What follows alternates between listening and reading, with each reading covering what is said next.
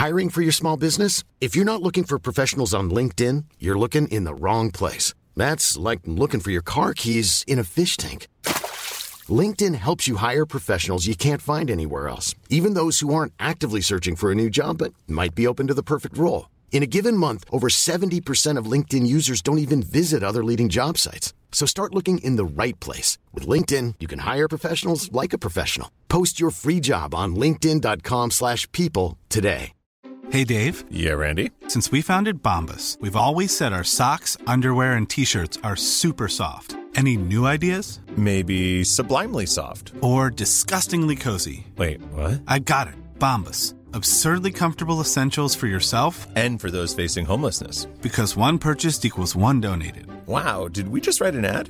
Yes. Bombas. Big comfort for everyone. Go to bombas.com slash ACAST and use code ACAST for 20% off your first purchase. Burrow is a furniture company known for timeless design and thoughtful construction and free shipping, and that extends to their outdoor collection. Their outdoor furniture is built to withstand the elements, featuring rust-proof stainless steel hardware, weather-ready teak, and quick-dry foam cushions. For Memorial Day, get 15% off your Burrow purchase at burrow.com slash ACAST and up to 25% off outdoor. That's up to 25% off outdoor furniture at burrow.com slash ACAST. Det perfekte offeret. Én av fem kvinner opplever voldtekt. Er seksuelle handlinger mot meg mens jeg er var bevisstløs. Det ødelegger liv. Så kvelte han meg. Ingen snakker om det. Han tvanger meg veldig masse til å ha sex med han. Det var 180 jenter involvert. Det var mange som sliter resten av livet med det. Eh, Jeg husker veldig godt at jeg sa nei. Jeg ønsker ikke at det her skal skje med noen. Norge er en lekegrind for vold og overgrepsmenn. Det er altfor mange historier. Dagens gjest er anonym, og hun deler en sterk historie med systematisk voldtekt og psykisk vold. Dette er også et offer som ikke ser noe håp i det å anmelde, fordi hun hører at alle saker blir henlagt selv med bevis. La oss høre historien og reisen til Maria, som jeg velger å kalle hun, siden hun er anonym. Det starta egentlig med at jeg flytta til en ny by, eh, og så var jeg veldig rask med å eh, altså, få meg en konto på Tinder, da. Og så Der ble jeg kjent med en gutt eh, som jeg møtte flere ganger, egentlig. Eh, og så etter hvert så begynte jeg å bli kjent med vennene hans. Eh, og så var det eh, da en gutt da, i denne vennegjengen som jeg ble egentlig veldig betatt av eh, veldig fort. Eh, og vi ble egentlig betatt av hverandre ganske fort. Eh, så det gikk egentlig for, fra at jeg hadde egentlig vært på en Tinder-date med en fyr, til at jeg egentlig da ble sammen med denne personen eh, seinere, da.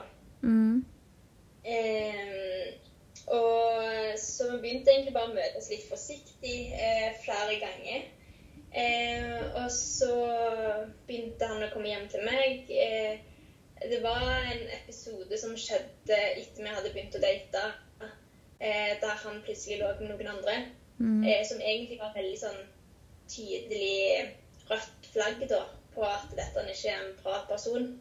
Eh, men jeg var jo på en måte så, opp, eller sånn, så betatt av han på den tiden at eh, jeg så på en måte forbi det. Og, og han var veldig sånn lei seg etter det skjedde. og på en måte var veldig om unnskyldning og kjøpte blomster til meg og, og sider og liksom masse sånt. Um, så da på en måte bare valgte jeg å tilgi han og så gå videre med det. Og så begynte vi gradvis å møtes mer og mer. Eh, så holdt vi på sånn i et halvt år, egentlig. Eh, der han var en del hos meg, eh, og jeg var litt hos han. Og så valgte vi å flytte sammen med hverandre. Eh, og han utgjorde Eller han Når jeg flytta inn med han, så var jo han den totalt motsatte av han jeg hadde blitt kjent med på forhånd. Eh, så han utga seg jo for å være en veldig sånn eventyrlysten person. Veldig omsorgsfull, veldig gøy, veldig atletisk. Trente masse. Og på den tida så var det veldig viktig for meg eh, alt som hadde handla om kosthold og ernæring. Ja, så jeg fikk på en måte inntrykk av at han var veldig sånn omsorgsfull. Han var veldig opptatt av meg og, og hvem jeg var. Han spurte masse, og han ga veldig mye sånn Han var veldig sånn kjærlig og liksom, veldig interessert i meg, da. Så jeg fikk sånn i, altså ivaretatt av han. men når jeg først flytta inn med han, så endra han jo totalt personlighet. Eh, og jeg merka jo det som rød plagg ganske tidlig. Så allerede etter to uker så hadde jeg jo bestemt meg for Eller jeg kjente på at jeg ville flytte ut. Eh, fordi at han var jo altså, helt motsatt av det han hadde utgitt seg for å være. Mm. Når jeg bare kjente han på eh, når jeg var hjemme.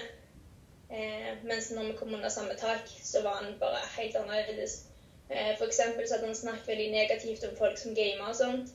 Eh, men han sjøl gama jo kjempemasse, og han hadde ofte høylytt gaming på eh, mens jeg prøvde å studere. Mm.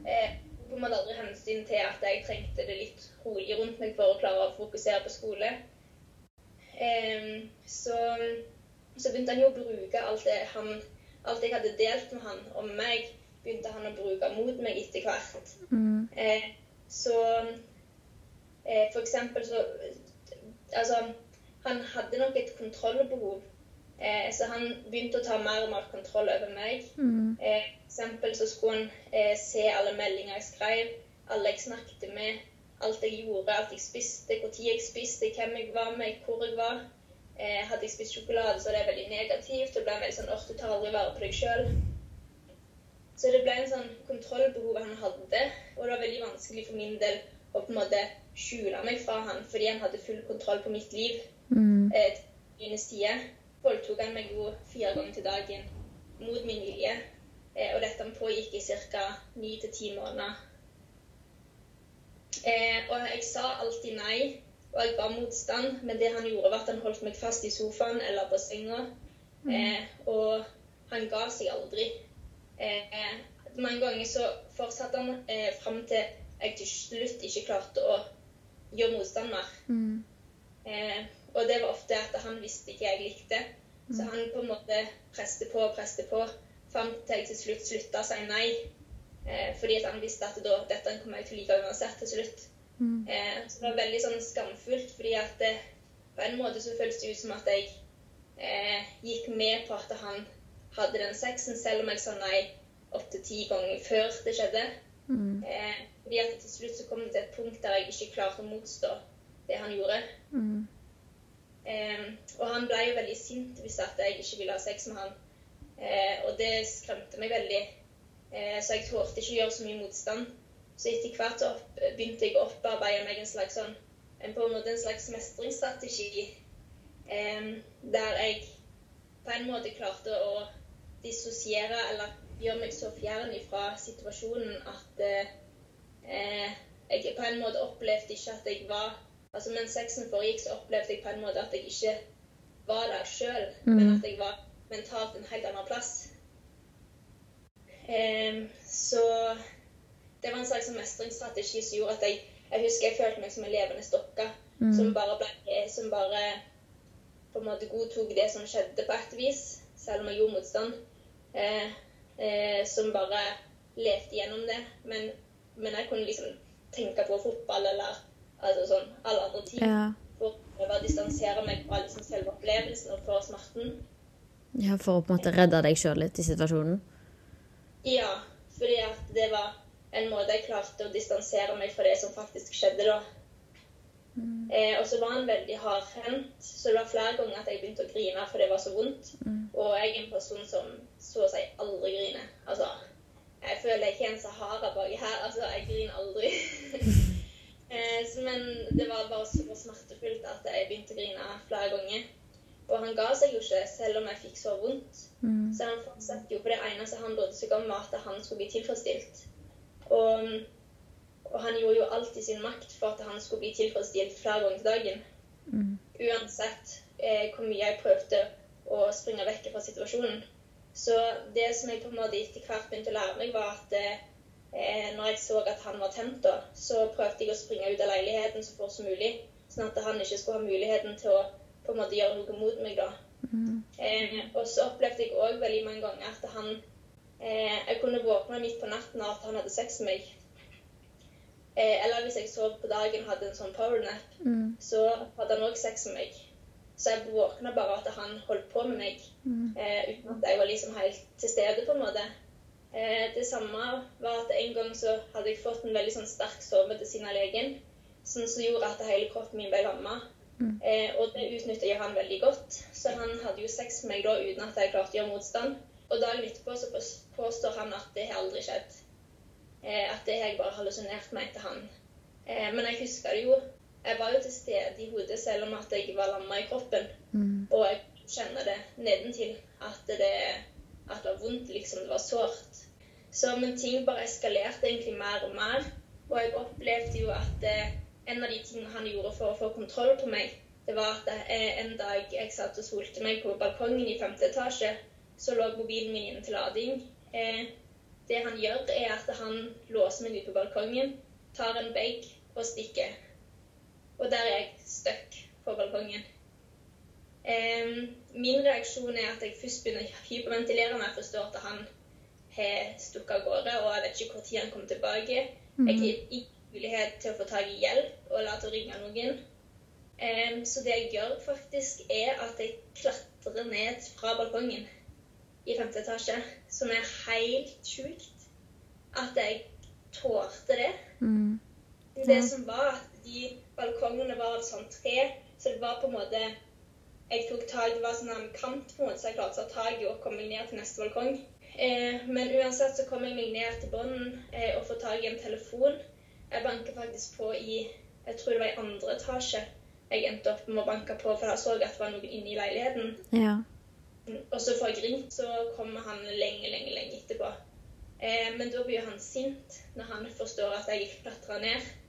Eh, og jeg tror det handler om at da hadde ikke han mulighet til å kontrollere meg lenger. Eh, men det som òg skjedde, var jo at eh, han, vi, ble veld, vi ble på en måte mer og mer isolert. Fordi han kontrollerte jo hele livet mitt, så han bestemte hvem sine venner jeg kunne ha, og hvem jeg ikke kunne ha som venner. Han ville egentlig bare at jeg skulle være alene med han. Jeg fikk aldri lov til å treffe vennene hans. Eh, så hvor lengre tid som gikk, hvor mer isolert ble vi egentlig, og hvor mer mista jeg kontakt med mine venner. Mm. Men det forsto jeg jo seinere handla òg om den kontrollen hans. For han ville jo alltid vite hvor det var, og hva jeg holdt på med, og hva jeg spiste. Mm. Var det Var det ingen som visste om hva som skjedde, eller på en måte eh, skjønte at det var noe som var galt her? Jo, eh, venninnene mine begynte å forstå egentlig mer og mer hva som skjedde, men de forsto ikke hvor alvorlig det var. Eh, folk advarte meg veldig mot han. Eh, og jeg, av og til når jeg var med venninnene mine, når jeg fikk lov til å være med dem, så kunne jeg liksom si ting som at eh, si at jeg er så tjukk mage, eller at jeg er så liten rumpe. Mm. Og så ble jeg liksom Hæ? Hvorfor, hvorfor gjør han sånn? Liksom. Det, sånn, det var egentlig bare småting jeg sa. Eh, men de småtingene gjorde at de forsto at det var et usunt forhold, iallfall. Ja. Eh, så han kommenterte jo veldig mye kroppen min.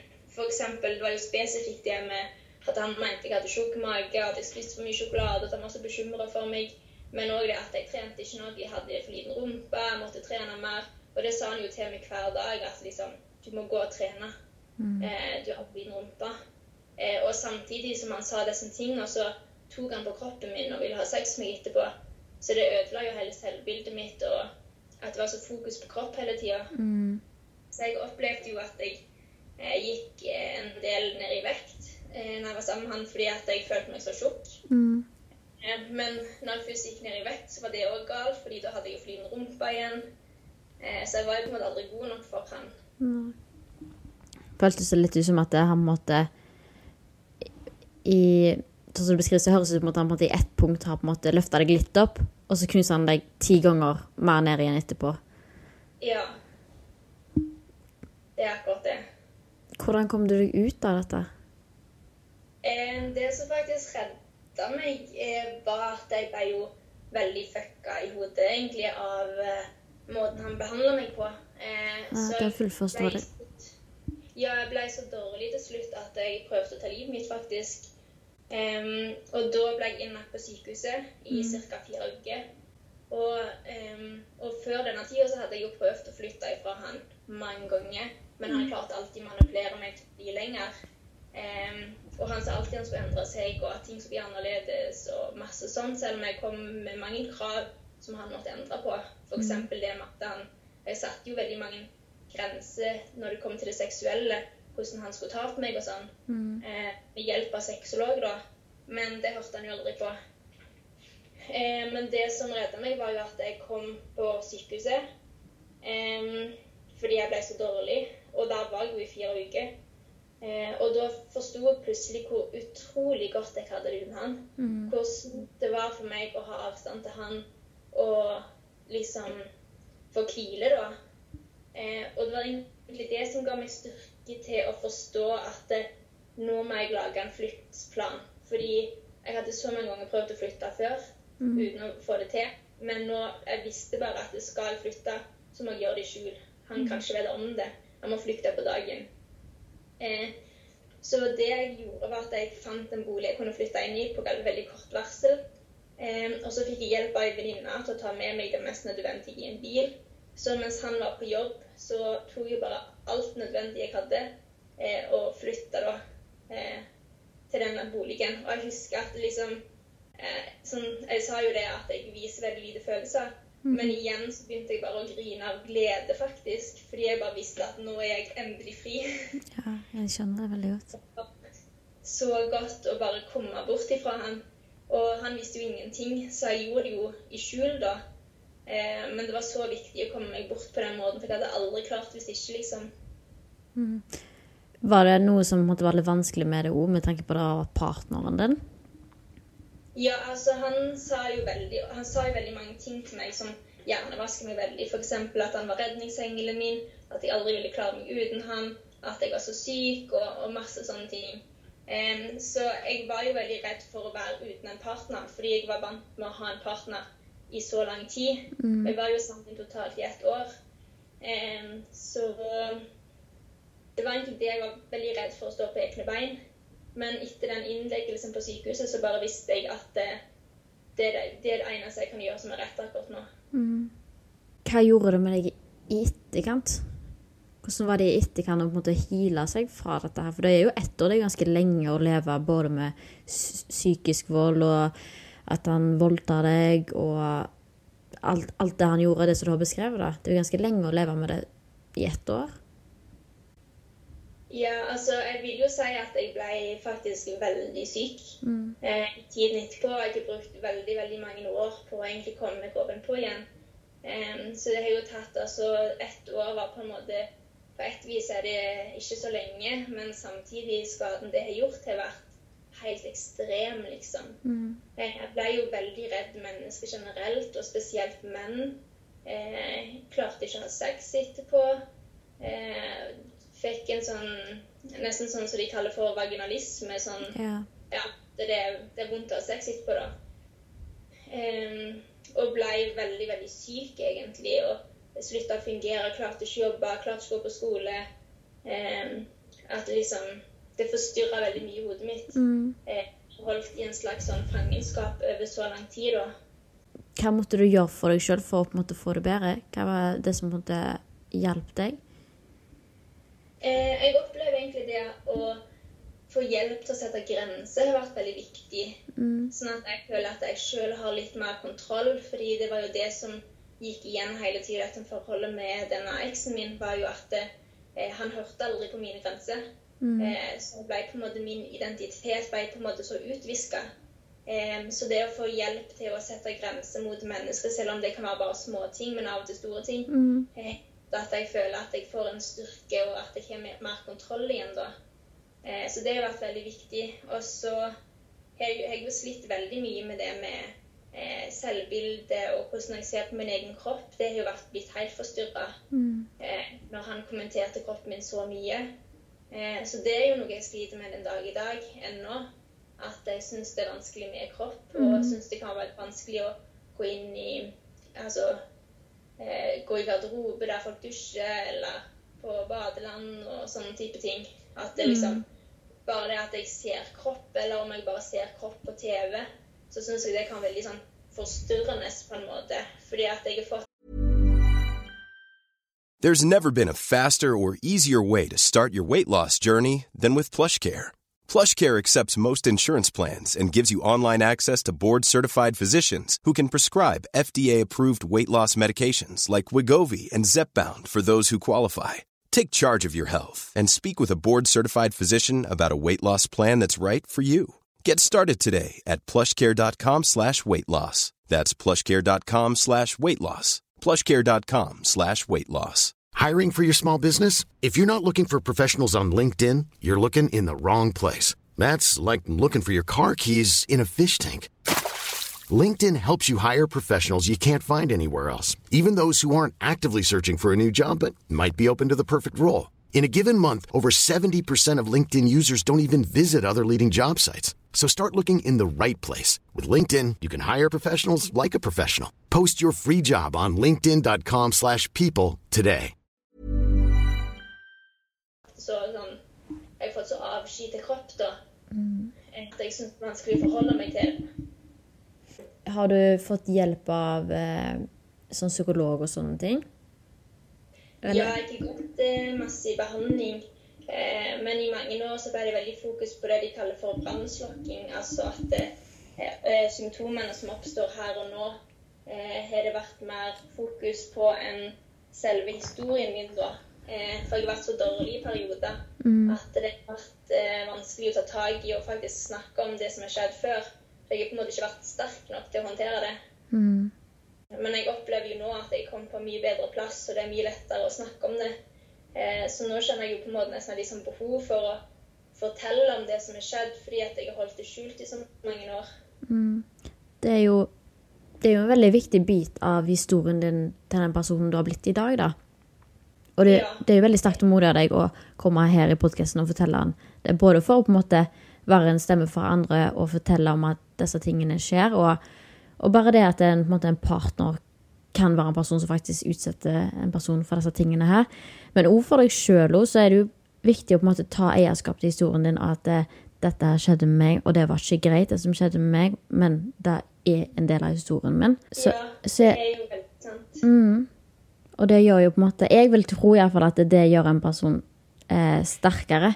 Og det vet jeg med meg sjøl, at når jeg på en måte brukte min historie til Fordi uansett hvor jævlig det som på en måte skjedde med meg eller deg, så har jeg på en måte brukt historien min til noe mer positivt, som på en måte har gjort meg mye mer positiv igjen. Og på en måte hjulpet meg å heale meg sjøl, da. Ja, Det er jo det jeg håper med å dele min historie selv, at det, det kan bidra til noe positivt eh, etter hvert. Eh, jeg vet jo at Hvis jeg selv hadde hørt en podkast om disse tingene og hadde forstått på en måte alvoret av det som skjedde, så hadde jeg kanskje klart å tatt det valget med å flytte mye tidligere.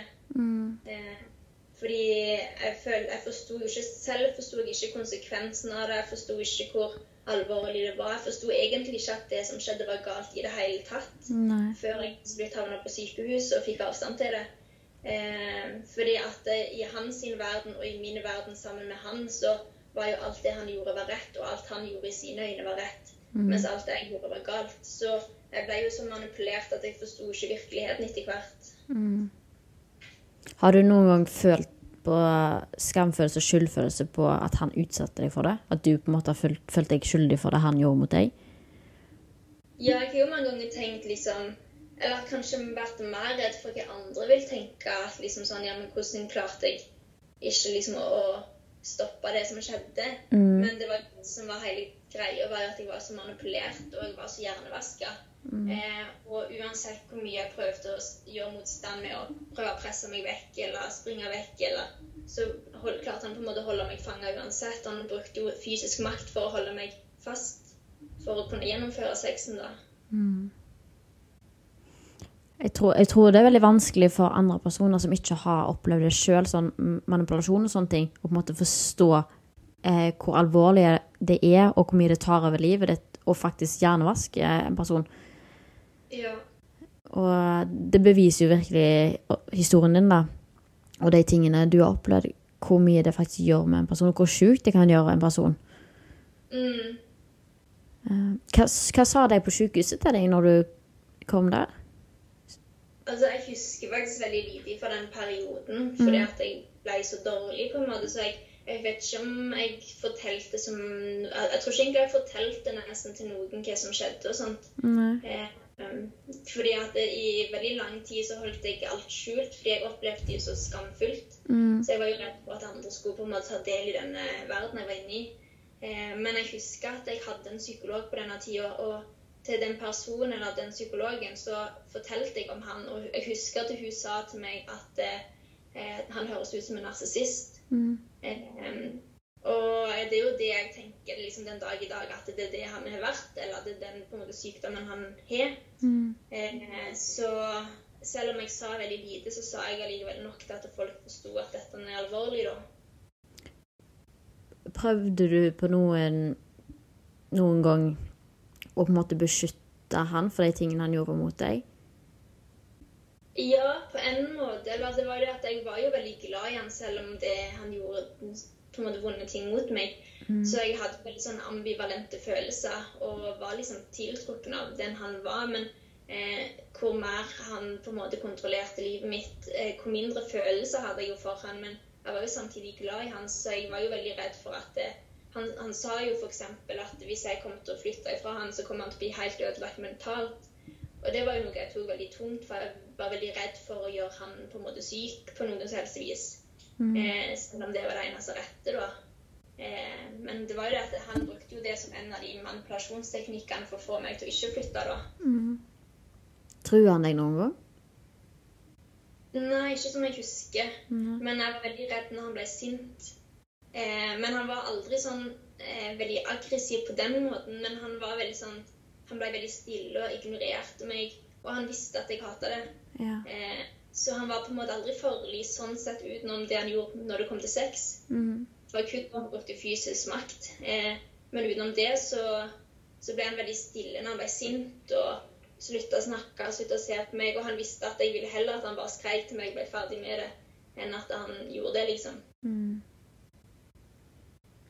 Sånn når eh, et normalt brudd skjer, eller når noen slår opp i et helt vanlig forhold, sånn, sånn som det skal være, eh, så vil man jo kanskje oppleve en kjærlighetssorg. Kjente du no noen gang på det? Nei, aldri. Du var bare Ja, altså Den måneden etter jeg flytta ut ifra og kom i egen bolig, så så jeg tror nesten jeg ble noe sånn manisk eller noe. Mm. jeg pleier ikke det, men jeg var liksom så i hundre. Jeg, jeg følte meg så Jeg hadde så mye energi. Jeg var så glad. Eh, og jeg husker at alt jeg skulle, hvis jeg skulle til butikken eller bussen eller trening altså Jeg sprang hele tida fordi jeg var så glad. liksom. Jeg følte meg så fri. Det er bra. Men hvordan klarte du på en måte å få en normal hverdag igjen, liksom et, etter det? I mange år så var det veldig vanskelig å ha en normal hverdag. Mm. Eh, men det er på en måte gått gradvis, da, at jeg gradvis har blitt litt sterkere og gradvis på en måte kom tilbake til den, den jeg var før. da. Eh, men det har jo tatt lang tid, og eh, det er jo ikke før i seinere tid at jeg har fungert så godt som nå. Og nå føler jeg jo at jeg har et veldig normalt liv og fungerer liksom akkurat sånn som jeg skal, egentlig. Mm. Eh, Så det, går, det har vært en gradvis prosess, egentlig, og der jeg parallelt har fått hjelp av psykolog eh, og gått mye behandling, da. Mm. Hva vil du si er det på en måte de tre tingene som har virkelig vært sånn revolusjonerende, hva jeg skal kalle det, som har gjort at du har fått det bedre i dag? Mm. Eh, En ting tror jeg er fordi jeg hadde en del år der jeg ikke klarte å jobbe eller gå på skole, og da ble jeg veldig mye isolert og satt mye hjemme. Mm. Men jeg tror eh, det å nesten bare komme ut og gjøre normale aktiviteter har vært en nesten terapi i seg sjøl.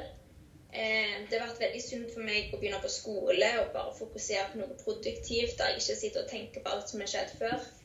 Eh, og så har trening vært veldig sunt for min del. Eh, jeg har vært veldig sliten i mange år, men eh, har på en måte ingen utmattelse lenger. Mm. Så det at jeg nå kan trene, har vært eh, kjempebra for meg. Mm. Eller har du vært redd i liksom, etterkant av du på en måte flytta vekk fra han? Ja, eh, det har jeg. Eh, det som skjedde etter jeg flytta ut, var at han oppsøkte meg en gang, og han var veldig opptatt av at han måtte komme på besøk til meg en kveld. Og egentlig så var jeg veldig sliten og sa til han at jeg ikke passet, men han var veldig påtrengende så bare liksom Ja, men jeg må treffe deg i dag. Eh, så det jeg gjorde, var at jeg slapp han inn i den nye leiligheten jeg hadde fått. Eh, og det som skjer da, er at han kommer til meg kun for å voldta meg. Mm. Og holder meg fast i sofaen, sånn som han har gjort før. Eh, og da blir jeg selvfølgelig veldig redd. Og Eh, og han vet jo da hvor jeg bor. Eh, så jeg tror Nå husker ikke jeg helt hvordan denne prosessen var, men jeg vet at jeg gikk til politistasjonen iallfall. Mm. Og jeg tror kanskje at jeg enten så vurderte jeg besøksforbud, eller så fikk jeg det. Eh, men jeg gjorde ikke noe mer med den situasjonen, på en måte. Eh, men etter den gangen, da, så har jeg aldri møtt han igjen. Noen Mm. gang. Så da har han latt meg være i fred. Ja, Så du fortsatte å bodde der? Ja, nei. Eh, jeg flytta ganske fort etterpå, faktisk. Mm. Jeg lurer på om jeg bodde der inn bare to måneder, nesten. Eh, og så flytta jeg videre. Mm. Og flytta jeg kollektiv, så da følte jeg meg mye tryggere. Men da har han aldri oppsøkt meg eller tatt kontakt igjen. Mm, Du nevnte jo nå at du var hos politiet, da, men har du anmeldt det noen gang? Nei, det har jeg ikke. Eh, og så har jeg jo hørt rykter om at hvis du anmelder, så blir det, får du på en måte aldri hva heter det, favør, eller at du blir aldri hørt. Mm. Eh, så jeg tenkte egentlig bare at det å rippe opp i såret, og at det ikke vil hjelpe uansett, på en måte. Ja, at det blir vondt verre? Ja, vondt verre. altså for min del, da. Mm. Du har liksom ikke følt noe behov for det? Jeg har egentlig bare tenkt at det vil ikke hjelpe uansett. At det vil bare bli en, en vond ting fordi at det kommer til å bli avslått. Eh, Eller politiet kommer til å avslå søknaden, og det kommer ikke til å skje noe mer. Og jeg kommer bare til å bli lei meg for det, liksom. Mm. Syns du det er kjipt å tenke på? Eller bryr du deg ikke? Det er helt tragisk at det er sånn at det er politianmeldelser på spesielt voldtekt, og at det egentlig ikke blir hørt eh, av politiet, egentlig. Så det syns jeg er kjempetragisk, og det gjør jo at det For alt jeg vet, så kan det jo være mange som har vært offer til denne eksen min. Mm. Eh, og hvis han hadde fått nok eh, anmeldelser, så hadde det kanskje skjedd noe. Mm. Men folk får jo aldri, eller folk orker jo ikke å gå inn i en sånn anmeldelse når de vet at det, konsekvensen er at de ikke får på en måte favør med politiet. Du husker ikke hva politiet sa heller, når at du var der? Nei, jeg tror ikke jeg sa så mye. Jeg tror bare det var snakk om den eh, besøksforbudet. Mm. Mm. Har du, er du i noe forhold i dag? Nei, det er jeg ikke. Jeg syns det har vært veldig vanskelig med menn egentlig helt siden den gangen. Eh, så det er på en måte en skade som har på en måte skjedd da, som en konsekvens av det forholdet. At jeg syns Jeg er veldig redd menn. Mm. Og jeg syns det er veldig vanskelig å gå inn i sånne relasjoner, fordi at jeg er veldig redd for å bli utnytta igjen. Har du Eh, vært men i noen relasjoner etter det? Nei, ingen faktisk. Jeg har ikke på en måte klart det. Eh, men jeg har jo veldig lyst på en, en kjæreste igjen. Eh, men jeg tror nok at den relasjonen eh, må på en måte Det må gå veldig forsiktig fram, da. Mm. Sånn at jeg blir trygg nok. Er du, er du redd menn når du går offentlig òg? Eller er det bare når det kommer til typ relasjoner og sånt? Nei, jeg er veldig redd menn generelt, egentlig. Mm. Um, og det kan liksom frustrere meg sånn eh, hvis det er en mannlig lærer, eller hvis det er en mannlig Altså hvis det er forskjellige sånne roller jeg på en måte må omgås gjennom hverdagen, så kan jeg alltid irritere meg over at «Åh, det er alltid menn, liksom. Mm. Ja, det kjenner jeg veldig godt igjen. Jeg får huske når at jeg eh, Når jeg eh, sleit skikkelig med at jeg var redd menn, for det har jeg alltid gjort tidligere, så slet jeg skikkelig med at jeg var jeg, Altså, jeg, jeg kunne nesten spy hvis jeg så noen på gata, for jeg var så redd. Jeg ble så uvel. Jeg følte en klump i magen langt oppi halsen, liksom. Ja. Det var så ukomfortabelt. Eh, og det som på en måte Ikke bare det at jeg på en måte gikk til psykolog, men det at jeg møtte han jeg er sammen med i dag òg, gjorde det at det, det på en måte ble bra igjen, da. At jeg fikk en god følelse tilknyttet til mannfolk igjen. Ja, at det ble på en måte sånn healing nesten, å møte en ny person. Ja, fordi han på en måte ga meg litt håp tilbake i mannfolk, at alle mannfolk er ikke skumle. Han ga meg liksom et helt annet syn på hva en mann er. Ja, sant. At det ikke er skummelt, og at de ikke gjør deg noe. De skal ikke være stygge med deg, altså, de skal ikke manipulere deg, de skal ikke gjøre ditt. Sant? De skal bare være gode og snille med deg, liksom. Ja, og det tror jeg er egentlig den beste terapien en kan få. Er jo faktisk bare å få en god opplevelse med det som tidligere har vært vanskelig. Mm. Det, det er litt sånn typ eksponeringsterapi, sånn som man ofte gjør hos psykologen. At vi gjør det eksponeringsterapi, så er jo det typ egentlig det samme. Ja, det er jo faktisk det. Så det er nok det beste jeg kan gjøre sjøl, er at jeg tør å gå inn i en sånn relasjon igjen. Men det er jo det skummelt. Men hva, hva hadde vært viktig for deg hvis at du skulle på en måte gått inn i en relasjon, hva hadde på en måte vært viktig for deg, eller grenser som du måtte ha hatt for at dette skal funke? Eh, kanskje nummer én er at jeg forstår at denne personen vil være sammen med meg uavhengig om det er sex i bildet. Mm. Eh, at jeg først blir kjent med den personen før vi eventuelt går inn på det seksuelle. Mm. Eh, for det er jo det sånn at jeg fikk jo inntrykk av at eksen min kun ville være med meg for å ha sex, egentlig. At jeg ble hans på en måte leketøy. Mm. så det er jo det at jeg må jo Jeg vil nok først vite at en person vil være sammen med meg uansett. Eh, og at det heller så kan på en måte det som skjer i senga, være en, en ekstra ting Mm. som bare tilfører på en måte forholdet noe positivt, istedenfor motsatt, liksom. Ja, at det på en måte skal være grunnen for forholdet? Ja, men at det for, grunnen for forholdet er liksom relasjonen, at han ønsker å med meg. Mm. Er, det er jo sånn et forhold skal være, og det er jo det alle fortjener å oppleve. Mm. Men har du det bra i dag? Ja, faktisk så har jeg det veldig bra akkurat nå. Mm. Eh, det er liksom spesielt den siste tiden som jeg har fått det veldig fint. Eh, så jeg føler liksom jeg mestrer og får til det livet som jeg ønsker å ha nå. Mm. Så jeg føler på en måte jeg har kommet litt opp på beina, og at nå er det liksom fortid. Og den tiden påvirker meg ikke så, i så stor grad lenger, da. Føler du at du har fått bearbeida det skikkelig? Em, nei, jeg føler kanskje ikke det, at jeg har fått gjort det. Men jeg har fått snakket med det hos psykolog i trygge rammer. Mm. Um, så, og jeg tror nok at jeg trenger å snakke om det mer for å på en måte få det ut av systemet. på en måte. Um, men det, på en måte, det har vært veldig godt for min del å dele det med en psykolog som òg på en måte eh, bekrefter at oi, dette er alvorlig, eller dette, sånn skal det ikke være. Og på en måte bare få den bekreftelsen, sånn at jeg forstår selv alvoret i det som har skjedd, og hvorfor jeg er blitt så påvirka i tiden etterpå. Mhm. At du føler deg litt sett og hørt for det? Ja, egentlig, og at det er ikke så farlig å dele, på en måte. Mm. Det, er veldig, det er veldig, veldig bra og veldig, veldig fint, og du fortjener å ha det bra i deg og få det livet du ønsker for det du har Mm. opplevd. Men da kan jeg bare si tusen, tusen, tusen takk for at du eh, tok deg tiden og ville gjeste og fortelle historien din, og bruke stemmen din for alle andre som sitter og hører på. For det er nok mange som kan kjenne seg igjen i historien, dessverre, eller gå gjennom det samme akkurat nå. Så jeg, kan det faktisk være at, det, at du deler din historie, redder noen, eller hjelper noen til å, å komme seg vekk fra det forholdet. Eller kanskje ser de røde flaggene lenge før tingene skjer. Eh, så historiene kan virkelig, virkelig bidra til at eh, noen slipper å, oppleve dette. Eller komme seg ut av det. Så det er veldig veldig viktig og veldig modig og tøft av deg å dele historien din. Altså det er veldig veldig fint å høre at du har det bra i dag da, og er på bedringens vei. Ja, ja, det er det. Så det er jo det jeg håper med å dele min historie, at det kan være til hjelp da, for noen der ute. da. Tusen, tusen takk, Maria, for at du delte din historie med oss. Du er utrolig sterk som vil bruke stemmen din for oss andre. Ønsker du gjester gjeste med din historie, så kan du sende meg en melding på Det perfekte offeret. Du kan òg være anonym, sånn som Maria valgte å være her. Og så husk å ta vare på hverandre.